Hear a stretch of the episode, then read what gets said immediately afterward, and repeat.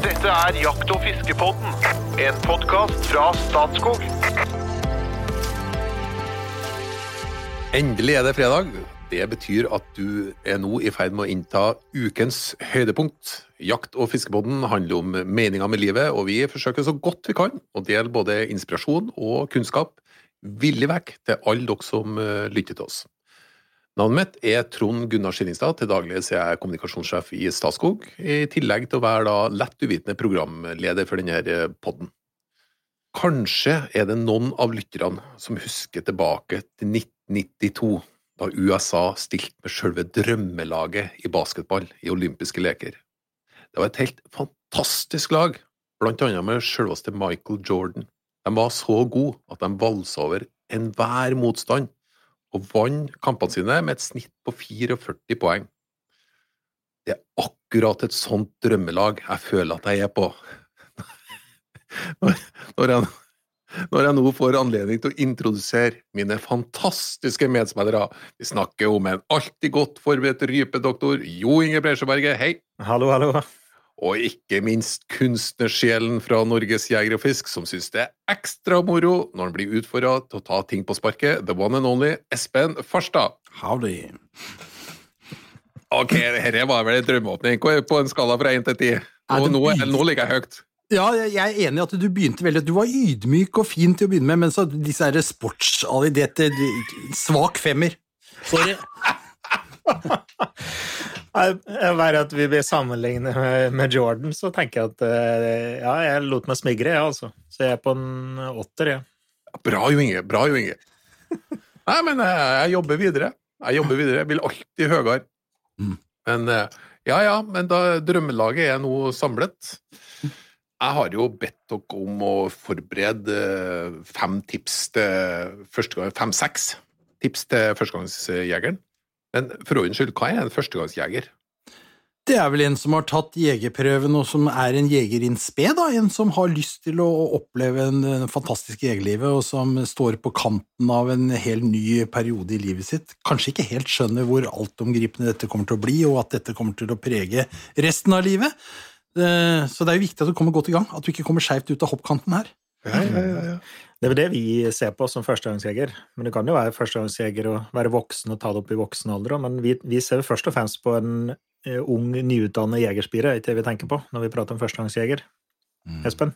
Jo, jeg, jeg, det er klart vi tenker jo litt sånn, vi har jo en aldersgrense i Norge som sier at du kan bli Du kan ta jegerprøven når du er 14 da, og så begynne liksom på jegerkarrieren din, og det er klart det er mange som gjør det, men det er jo også veldig mange faktisk som tar jegerprøven nå i en alder av 28-30-32, liksom. Altså typisk sånn eh, har eh, tatt utdanning, har etablert seg, kanskje fått eh, første barn, og så lurer man på om man skal begynne med golf, golf fiske eller jakt, og så tar man jegerprøven istedenfor båtførerprøven, eller hva det er. Altså det, det er mange der også, faktisk. Så ting Ja, så det er kanskje Men uansett, da. En som er uerfaren og står overfor den der enorme verden som jaktverden er. Mm. Jeg tok eh, jegerprøven eh, i voksen alder, så jeg starta ikke med som eh, 14-15-16-åring med jakt. Hæ? Eh, Jeg, jeg Hæ? Gjorde du ikke det? Bare Å, å, den var under beltet til Bresjeberget. Jøss! Ja, jøss. Yes, ja, ja. Ok. Du om det. Ai, ai, ai. Nei, eh, begrepet førstegangsjeger har, har jeg vært borti særlig i en sammenheng, og det gjelder gratisjakt til førstegangsjeger. Det er jo sånn rekrutteringstiltak som ble innført eh, ja, for et år eller to siden. eh, Og det er jo en, for det er jo en definert rolle. Da har du tatt jegerprøven, men, men eh, også kan du få gratisjakt på enkelte plasser første gang. Ja, og da, var det, da brukte vi faktisk Da er vi, da er vi veldig eksplisitte på hva det er. For da vi etablerte den ordningen eh, gjennom iNatur, da, så er det slik at du kan gå inn på iNatur, og da gjelder den for de som er registrert i Jegerregisteret for første gang det året. Ah, ja. Ja, så det er, det er klart definert. Og det er Statskog og Fjellstyresambandet er med på den løsningen, da, sammen med Jeger og Fisk. Ja. Egentlig en veldig ålreit løsning. Ja. Nei, men ok, vi skal kjøre i gang tips til førstegangsjegeren. Og da, det vi snakker om da, det er noen som har jakta lite. Lite eller ingenting. Man er helt i starten av en jegerkarriere. Ung eller eh, ikke fullt så ung. Hvem føler seg kallet til å starte? Jeg kan gjerne begynne. Ja, vær så god, Espen.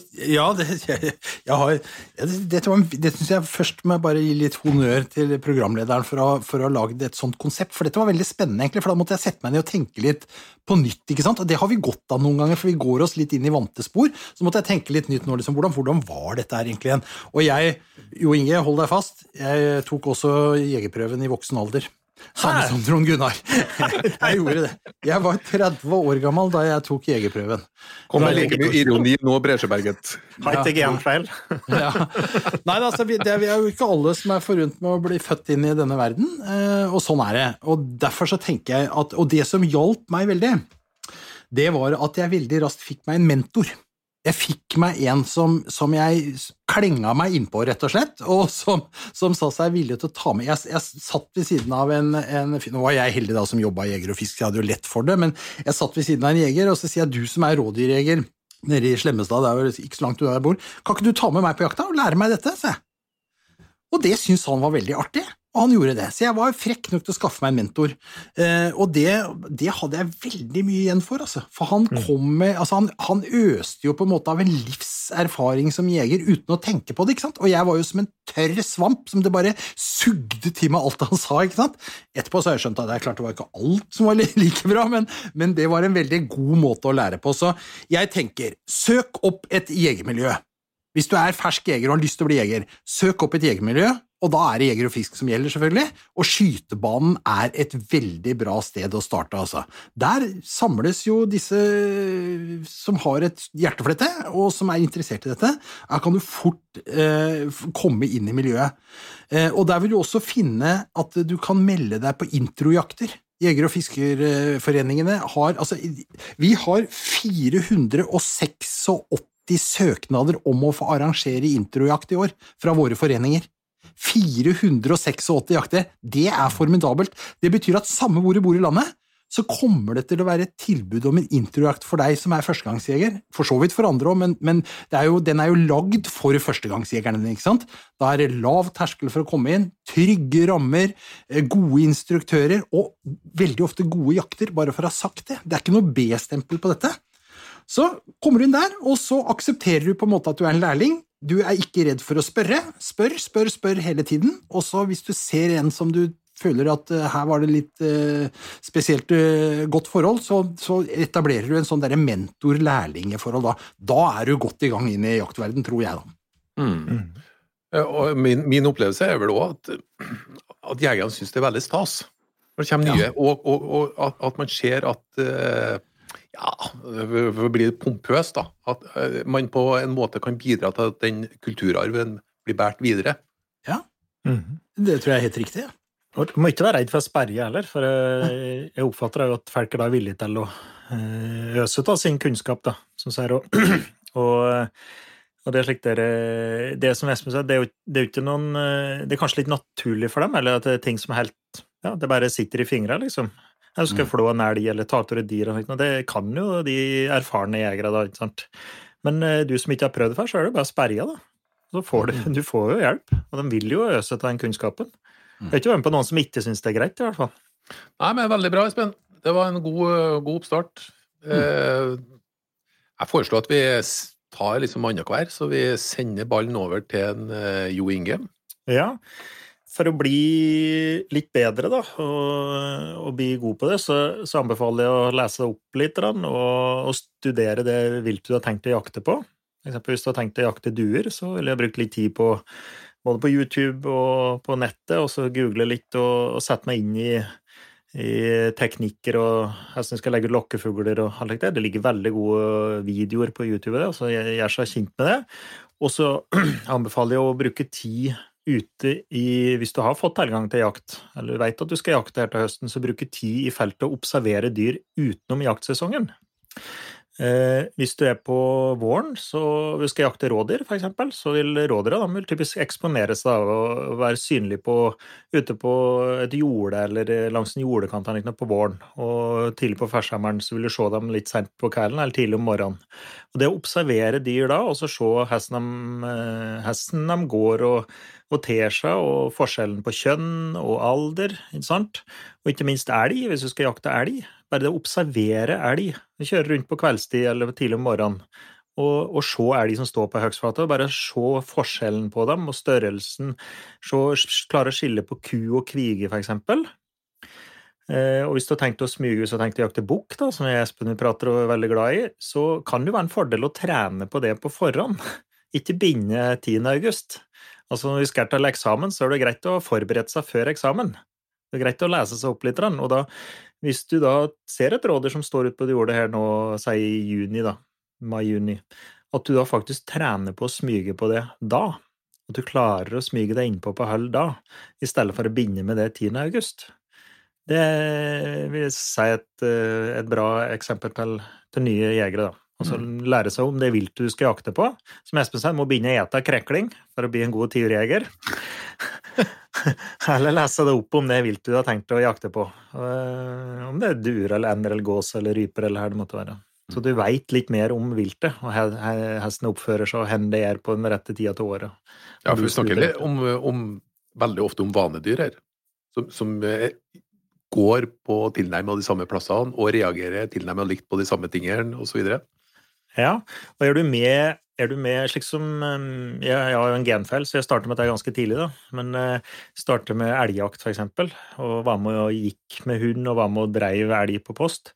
Etter hvert så, så skaper du den forventning om hvor elgen kommer. Så når jeg da sitter på elgpost i dag, så vil jeg påstå at du ofte klarer å forutse litt hvor elgen kommer ifra Hen han vil dukke opp.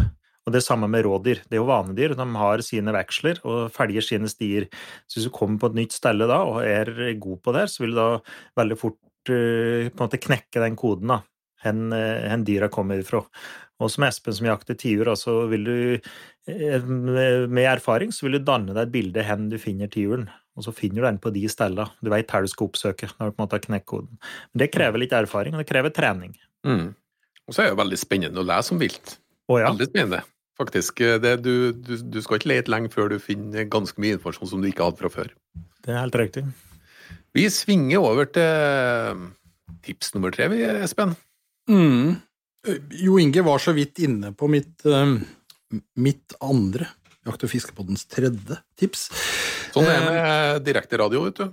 Ja, nei, og det er helt i orden, for fordi at eh, det forsterker jo bare mitt budskap at eh, han professorale ute på landet tenker i samme baner. Det liker vi.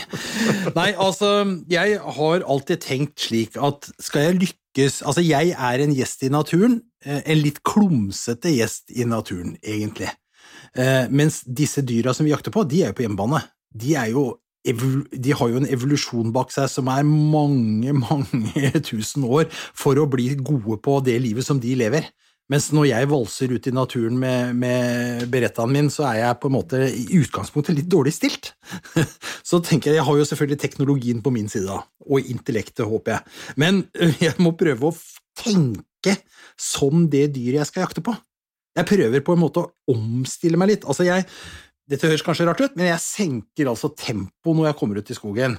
Eh, jeg prøver å, eh, som vi sa, jeg prøver å tenke som dyr. Jeg spiser bær, for eksempel, som vi har vært inne på. ikke sant? Jeg spiser krekling eller blåbær når jeg er på skogsfugljakt, for det veit jeg at fuglen også gjør. Så da på en måte stiller jeg meg inn i, i funnsted. Jeg ser konsekvent etter spor når jeg går, altså en løs fjær, Eh, et, et, et, tråkk eller en sti i et sar, tenker, da tenker jeg ok, her er en overgang. Her går det noe rådyr. Dette må jeg merke meg, liksom. Altså hele tida være veldig sånn lytt og se. For det er to sanser du på en måte du kan bruke når du er ute. Det er selvfølgelig alt det du ser og observerer. Være flink å bruke. Ikke gå sløv ut i skogen, men gå med sansene i helspenn. På en måte. Og så det derre med lyd. Et knepp i et tre et vingeslag eller en bevegelse i øyekroken. Det er alt du skal få som varsel, ikke sant? og som skal gi deg det lille overtaket på dette varedyret der ute. Så det å, det å, på en måte hva skal jeg si, nærmest gå inn i situasjonen og prøve å bli et ett med liksom det du driver og jakter på, eh, det tror jeg er en kjempestyrke. Men det krever konsentrasjon. altså. Du kan ikke være sløv. Du kan ikke vimse Og jeg synder jo mot det hele tida, sjøl også, men, men, det å være skjerpa, være konsentrert og være observant, senke tempoet litt, leve som dyra, det, det mm. Ja, jeg syns i hvert fall det er veldig og, Jeg og tror kanskje det. kommer det kommer litt mer med erfaring òg, altså når du har prøvd å feile litt. At du på en måte skjønner at dette er meninga med livet. Ja. Alle de lyden og, og stemningen og det. Altså Når du da lykkes, så kanskje du skjønner det litt mer da. Men eh, jeg er helt enig med Espen. der. Det der, jeg husker I fjor høst så var jeg og jakta skogsfugl hos en kamerat av meg, og, og vi gikk støkk. og Så kom jeg over en litt sånn der åpent område, og så kom jeg ned mot et sånt bekkedrag og litt sånn tette med noe, noe løvskau og egentlig et litt sånt åpent furumoområde. Eh, Og det første jeg tenker, er jo liksom at ålreit, hadde jeg vært fugl, så hadde jeg sittet her. Og jeg sitter litt i skjul, liksom. Og så går jeg ned, og så, og så hører jeg et sånt ørlite knepp. Og det ofte så er jo det fuglen som bare posisjonerer seg bitte lite grann. Den har jo observert meg for lenge siden, ikke sant? Og posisjonere seg lite grann. Det var det der lille som skulle til for at jeg fikk inn et skudd på den røya som gikk i bakken. Og da er jeg så fornøyd med meg sjøl, for da har jeg liksom Å, jeg oppdaga det, jeg skjønte det, jeg fikk det med meg, jeg var til stede i situasjonen. Det er, det er Ja. Det er en god følelse, altså. Ja, det er det. For du blir like forundret hver gang når den, eh, den fjørhannen, da, når den går ut, og du ser den, og så bare Herregud, at ikke jeg så den her for, før. Ja. Den er fire, fire kilo pluss, liksom. Ja. og er enormt diger, og så akkurat den går, så er det bare Å, Jesus, det skulle jeg, det skulle jeg ha sett. Det burde jeg skjønt, ikke sant? Ja. Hvor dum går det an å bli? Ja. Eller hvor det med lite til stede. Hvor Det er lite til stede. Det er noe med det. Å være på. Mm. Påkoble. Mm. For, for å ta den litt sånn normative, filosofiske innfallsvinkelen, så føler jeg jo umiddelbart at man blir litt mer til stede når man går ut i naturen. Så man kommer umiddelbart inn i et annet modus. Men, men det jeg merker når jeg er på jakt, er at eh, den intense tilstedeværelsen øker, da. Og, Ja, altså, og du, blir, du blir veldig på. Det er ikke noe tvil om det, og er ikke, det er ikke noe automatikk i at du er til stede for dem du er i naturen hvis du på en måte Du kan godt valse gjennom naturen uten å se noen ting som helst, det, altså det er jeg helt sikker på. Ja, nå skal ikke jeg snakke med kjæresten min, men det, da jeg traff, gjorde et skifte i livet og traff en ny kjæreste, og hun kom fra et miljø hvor altså Hun har aldri reflektert over at det er dyr i skogen, tror jeg. Hun har liksom ikke vært i den verden. Og hun var jo så overraska over at jeg hele tiden Jeg så jo rådyr i jordekanten, og jeg og, følg med, der gikk det en musvåk, liksom. Det? Altså, jeg så noe hele tida som ikke hun så. Og vi var jo på samme stedet. Mm. Vi, vi gikk jo den samme skogen, ikke sant? Du ser på en annen måte. Og jeg tror at som jeger så lærer du deg til å lese og oppleve naturen på en annen, og jeg vil si rikere måte, enn de som Ja. ikke er jegere. Og jeg vil ta det så langt å si at vi burde hatt redusert forsikringspremie, for det vi ser elgen i veikanten lenge før. Ja. Vi kjører på færre biler. Vi skulle hatt lavere forsikringspremie fordi vi er bedre til å observere. Mm. Og det, det kan du bare ta med deg ikke-jeger i bilen, så ser du rådyra og elgen før dem. Det er helt sikkert, det. Og det er Ja. bevist, det. Mm. Ja.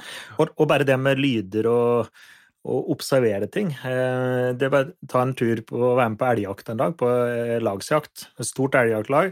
Så kommer du til bålet og samles, og så hører alle de lydene folk har hørt. Jeg hørte et Ja. knepp der, eller Ja. jeg hørte du som en elg der. Ikke sant? Jeg tror det gikk noe der. Ikke sant? Og, og, det, og bare at folk er, de er, de er på, de er påkoblet. Og det er mye rart du kan observere. da. Og som du sier, så Kanskje så du et rådyr eller en rev eller en eh, musvåk eller noe, men alt det du ikke har sett, som du bare har hørt, som du tror har vært en elg, har hørt et knepp eller et eller annet For det er mye lyder, og det er mye sanseinntrykk der ute. Kjempebra. Vi eh, går rett på nummer fire nå. Jo Inge. Ja.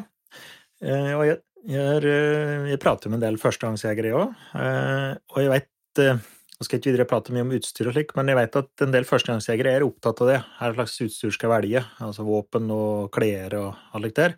Og leser du et gjennomsnittlig jakt- eller fiskeblad eh, her, her i Norge, så er jo halve, halve nummeret snart er jo tester, utstyrstester. Vi er veldig glad i utstyrstester i Norge. Og jeg, jeg vil dra det dit hen at du ikke skal overdrive. Ikke overdrive den utstyrshamstringa. For det enkle er ofte det beste der òg. Det er mye viktigere å bruke mye tid ute, observere vilt, og eh, ikke minst på deg sjæl, som Espen sier, ha tålmodighet, og gå og smyge, og gå rolig, og komme deg innpå vilt. Mye viktigere å bruke den tida der ute i felt enn på nettet og lete etter utstyr. Eller i en butikk, da, for den del.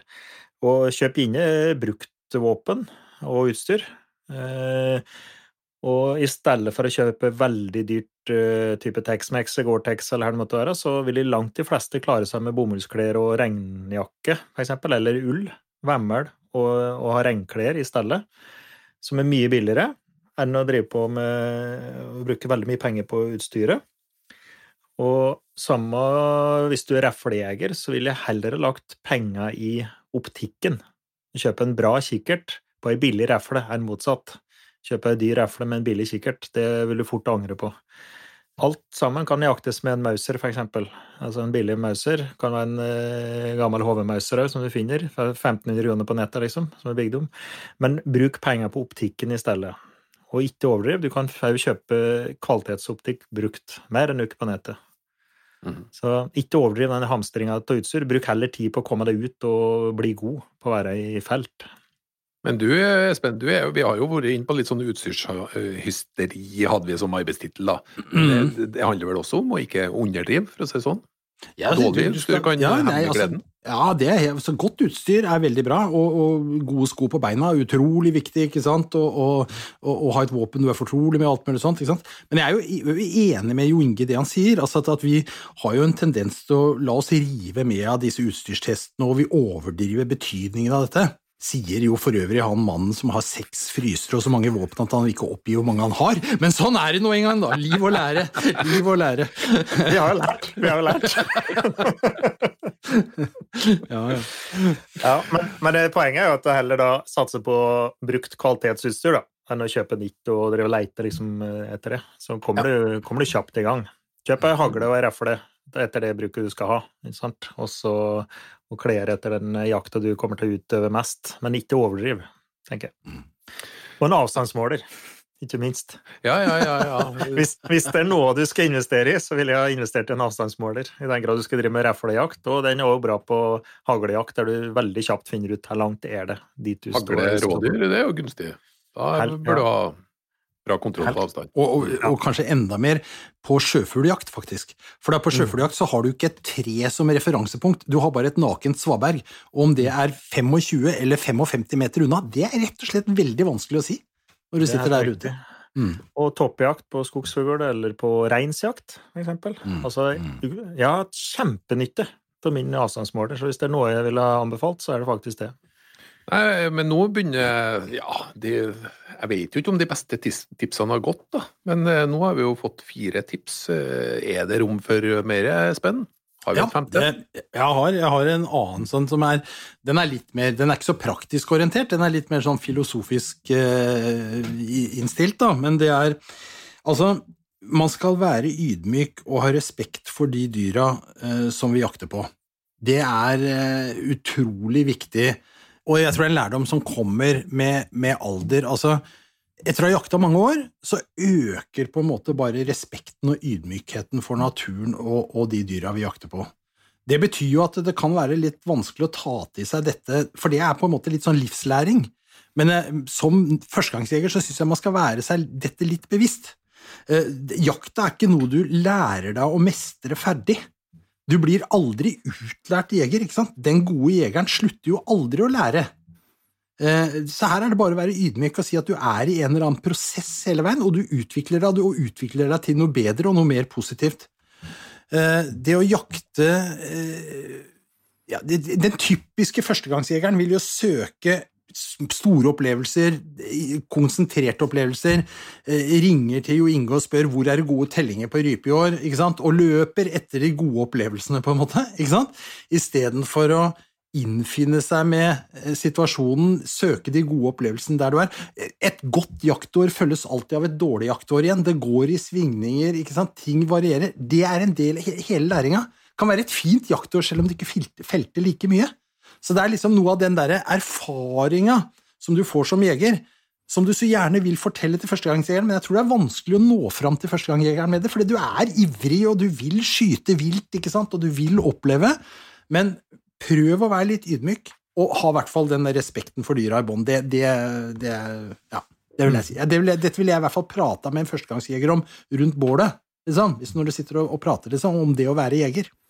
Respekten for viltet og ta vare på viltet, og det det om å lære hele tiden, det er en konstant læringsprosess. Jeg lærer noe hele tiden. Det er jo en eh, enorm læringsprosess. læringsprosess. Jeg kjenner eh, jeg jakter med godt voksne folk òg, som, som hele tida lærer noe nytt. Og det, er jo helt fantastisk. Nå er mange og 80 og setter opp ei fellefangstlinje for mår eller har ei revåte og fortsatt finner ut at du kan gjøre det på bedre måter. Det er jo, eller jeg jakter med min gamle professor på skogsfugl, og vi lærer nye ting hele tida, og det er så Mm. fascinerende. Og det eh, Nei, jeg har veldig stor eh, sansen for det. Og det Du blir jo ikke utlært jeger på, på et helt liv. Selv om du lærer ting og, og blir bedre, så blir du ikke utlært. Og det skal du ha respekt for òg. De som er utlært, de, det er bare for at de ikke vet bedre. Det. Mm. Da eh, har vi snakka litt om det å skaffe seg en mentor, eller, eller komme i miljø der man kan få litt veiledning. Nummer to, bli kjent med viltet. viltet. Les deg opp, oppsøk, eh, oppsøk det utafor jakta. Se hvordan det oppfører seg, lær eh, trekkved og lignende. Nummer tre, vær fortsatt en klumsete gjest, men prøv å se, å se verden fra dyrets side. Prøv å, prøv å være, være som viltet. Eh, nummer fire. Godt utstyr er lurt, men ikke overdriv. Godt nok utstyr, det er best. Bruk resten av tida på, på andre ting. Mm. Og nummer fem. Ha respekt og bygge opp videre respekt for viltet. Er det noen som har et siste et før vi glir over? For det var, fem var egentlig målet mitt, men jeg er jo åpen. Sjøl om jeg er litt sånn strukturfantast. da. Jeg er åpen for ett, jeg. Ja, ok, da. jeg tror vi kunne funnet på noe flere, men, men jeg å dra det litt videre på det Espen sa, med å førstegangsjeger og kanskje ivrig på å komme i gang og få skute og få litt erfaring i det, så, så kanskje, kanskje du skal konsentrere deg om å få tilgang til altså, god jakt, da. Så eh, tidlig i jegerkarrieren din, der du er. Og med det mener jeg at du kan bygge erfaring og kanskje få noen skuddsjanser hvis det, du har tilgang på duejakt, f.eks., eller sjøfugljakt, eller kråkejakt, f.eks. Bever kan være eh, ganske greit, med å, der du kan bli god og lære å observere mye vilt og få noen skuddsjanser og bygge erfaring ganske tidlig, i stedet for å melde deg på et elgjaktlag. Du skal binde opp hele høsten, og så kanskje ikke, får en skuddsjanse på hele høsten heller. Og det tar mange år før du blir god på det, for du, observerer ikke nok vilt, kanskje. Eh, det kan jo være et tips. Så ikke, legg lista for høyt, og ikke ha de altfor store forventninger. Altså bygge opp det, eh, bygge opp erfaringen og bygge opp eh, hvor god du skal bli eh, fra batten av, da. Men eh, søk heller tilgang, eksempel kråker kan være et bra eksempel. Eller trost, har vi pratet om en tidligere. Så det er duer, eksempel. Så starte enkelt, men med et vilt der du kan få mange sjanser til å observere, og for så vidt også skuddsjanser, så at du kan bygge erfaring. Mm. Det kan være et tips. Og skulle det være noen av dere lyttere som har brenngode tips som ikke man har kommet på, send det gjerne inn til oss, enten på Messenger eller på jakt- og fiskebåten at statskog.no. Så eh, vi tar veldig gjerne imot tips. Noen av dem kommer vi til å også eh, servere under sendingene. Vi tar også lytterspørsmål. For eksempel har vi et fra en, eh, Kenneth Fammestad, som dere ikke vet kommer nå, men nå kommer det. Det har vært lite spørsmål om sjøfugljakta, sier han. Ærfuglen er freda på hele Vestlandet. Han skjønner at arten har hatt det tøft, men nå er det enorme mengder, sånn som han greier å se det. Flokker på 100 til 1000 overalt. Hva med åpne den jakta igjen? Ja. Det er ikke Altså, for det første så Det er jo Dette med ærfugl er det er en raritet i norsk viltforvaltning, egentlig. For vi ser så ulikt på ærfuglen. Det er det første vi må liksom prate litt om. For i, i Spesielt i Nordland. Spesielt Så- i Nordland. Spesielt i Nordland. Vega, altså, for eksempel. ja, her er jo, jo, men her er jo Nå må vi jo huske, ikke sant. Man bodde ute på kysten, eh, på øyer og skjær og holmer, og levde av det som havet hadde å gi. Og da var faktisk det tilskuddet som man fikk fra ærfuglen, som var en slags vill høne som du hadde ute i, rundt husa din. Du bygde huset din, ikke sant, og du, du hadde ærf, ærfuglen liggende ute, og du kunne ta noen egg, og du kunne sanke dun. Dette var verdifullt. Å skulle jakte på disse og skyte disse, det var, jo, det var jo helt meningsløst i alle sammenhenger. Og etter hvert har man jo bygd opp en veldig sånn emosjonelt forhold til disse ærfuglene også. Dette var jo ville fugler som bodde tett på oss i hus som vi lagde til dem. Det er klart at det er vanskelig. Mens vårt fylkeslag i Finnmark for flere år siden var ute og ønska jakt på ærfugl i Finnmark, for der har de, et, har de ikke hatt det samme nære forholdet til det. Så fikk vi jo da åpna for ærfugljakt for ja, hvor lenge siden var det, Jo Inge? En eller annen gang på 90-tallet eller noe sånt? Ja, Eh, jeg husker Ja, det hadde jo vært freda i mange år, og så blei det åpna igjen, men da bare liksom fra Østfold og Oslofjorden, Skagerrak og ned til eh, Lindesnes omtrent, vel? Ja, og, og der regner man vel egentlig at den Skagerraksbestanden er én bestand. Så der kunne man på en måte liksom fortolke den og si at her var det bærekraftig å bedrive jakt. Og så har man en annen bestand på Vestlandet. Eh, Skagerrak-bestanden har fått seg en knekk nå i det siste, faktisk. Nå har man funnet flere hundre døde, avmagrede, utsultede ærfugl. Eh, så nå er det jo krefter, bl.a. fra Norsk ornitologisk forening, som vil ha stans i ærfugljakta. Man har allerede ved sist jakttidshøring i, i den ærfugljakta som er, eh, freda hunnfuglen. Så det, bare, det er bare jakt på hannfugl. Eh, eh, og nå spørs det vel om det spøker litt for hele den jakta snart, hvis det er, skjer ting med ærfuglpopulasjonen i dette området som, som, er negativt. Og det er klart, Vi skal jo høste av et overskudd, så er det ikke noe overskudd, så blir det heller ikke noe jakt. Det tror jeg alle jegere er enige om. Ærfuglbestanden på Vestlandet eh, kan ikke jeg nok om til å kunne svare på dette med en gang, om det burde vært, men, men da må man altså inn i eh, jakttidshøringene, som skjer hvert femte år. Det skjedde sist en jakttidsendring i 2017, hvis jeg husker riktig, så det er jo en gang, ny en på gang i 22, vel? Ja. Stemmer, stemmer det, Jo Inge? Ja, så den jobben begynner til neste år, da. Og da blir det òg gjort bestandsevalueringer. Så i den grad det er, er, data som kan bekrefte økningen, som han sier her nå, på Vestlandet, så vil det, vil det telle med, da når, skal, mm. når, det blir vurdert om vi skal mm. åpne for jakt der. Mm. mm. Og samme motsatt i Skagerrak. I den grad det er ærfugl død, og det er jo dokumentert, så vil det kunne telle motsatt vei. At det ikke blir jakter. Mm. Eller eventuelle andre reguleringer. Og du er jo inne på det, Det er jo litt spennende, dette her, sånn, for vi er jo nå inne på litt sånn rare krysningsmotiver for å drive jakt eller ikke jakt. Altså Vi snakker om en tradisjon og et, et, et tilnærma husdyrhold i Nordland som motvirker jakt der oppe, mens, mens, man liksom på den annen side teller bestander og dokumenterer bærekraftigheten som en argumentasjon for å jakte andre steder. ikke sant? Og det er litt sånn motkrysning. Det fins jo eh, store bestander av svaner i landet, mm. men vi mm. jakter ikke på svaner. For det skal jo da både være et bærekraftig overskudd, og så skal det være en tradisjon for det. Ikke sant? Og når vi ikke mm. har det, så, så er det ikke sånn uten videre at vi får satt i gang jakt på det. Men disse vurderingene gjøres hvert femte år, kommer opp igjen nå fram til 22 prosesser som går gjennom da fra Miljødirektoratet, med høringer ute i instanser og innspillsmuligheter osv. Og, så eh, og da vil nok helt sikkert eh, også dette med ærfugl på Vestlandet være oppe til diskusjon igjen. Mm. Jeg, jeg, jeg, skal innrømme at jeg ble eh, bitte lite grann imponert nå. Eh, jeg visste jo at jeg skulle komme med spørsmålet, dere visste ikke det. Så jeg hadde jo Nei. lest bitte litt om det og skjønte jo ingenting av hvorfor i all verden det var jakt på Østlandet på ærfuglen. Så eh, nei, dette var veldig interessant, og det tror jeg han Kenneth Fammestad òg syntes det var ganske interessant å få svaret. Og så er det selvfølgelig til syvende og sist en bestandsvurdering som da skjer med jevne mellomrom, som vil avgjøre om det kan åpnes for jakt igjen. Eh, Kenneth, du kommer til å få en av verdens vakreste T-skjorter i din retning. Vi nærmer oss slutten. Takk for at du var med oss. Vi håper at du blir med på jakt og tar del i en veldig viktig del av norsk kultur. Følg oss gjerne på Facebook og Instagram. Eh, og skulle du se, eh, se, en knapp der det står eh, 'abonner', enten på Spotify eller iTunes, så bør du absolutt trykke. Det som skjer, er at det utløser ingen betaling, men du kommer til å få beskjed når vi slipper nye podkaster. Uansett, vi er tilbake neste fredag. Men selvfølgelig, til slutt, hot or not. Er dere klar? Dere skal svare fort. Ja. Mm. Nummer én. Lyd på mobil, mobiltelefonen i møte. Hot or not? Not. Samstemt. Vakkert. Nå ble det litt korte. Det blir tre korte her nå. Harr. Hot or not? Hot. ABBA. Hot or, hot or not? Not. not. Fender. Hot or not? Det var hot. Det var helt sånn. Men nå, endelig. Siste avgjørende.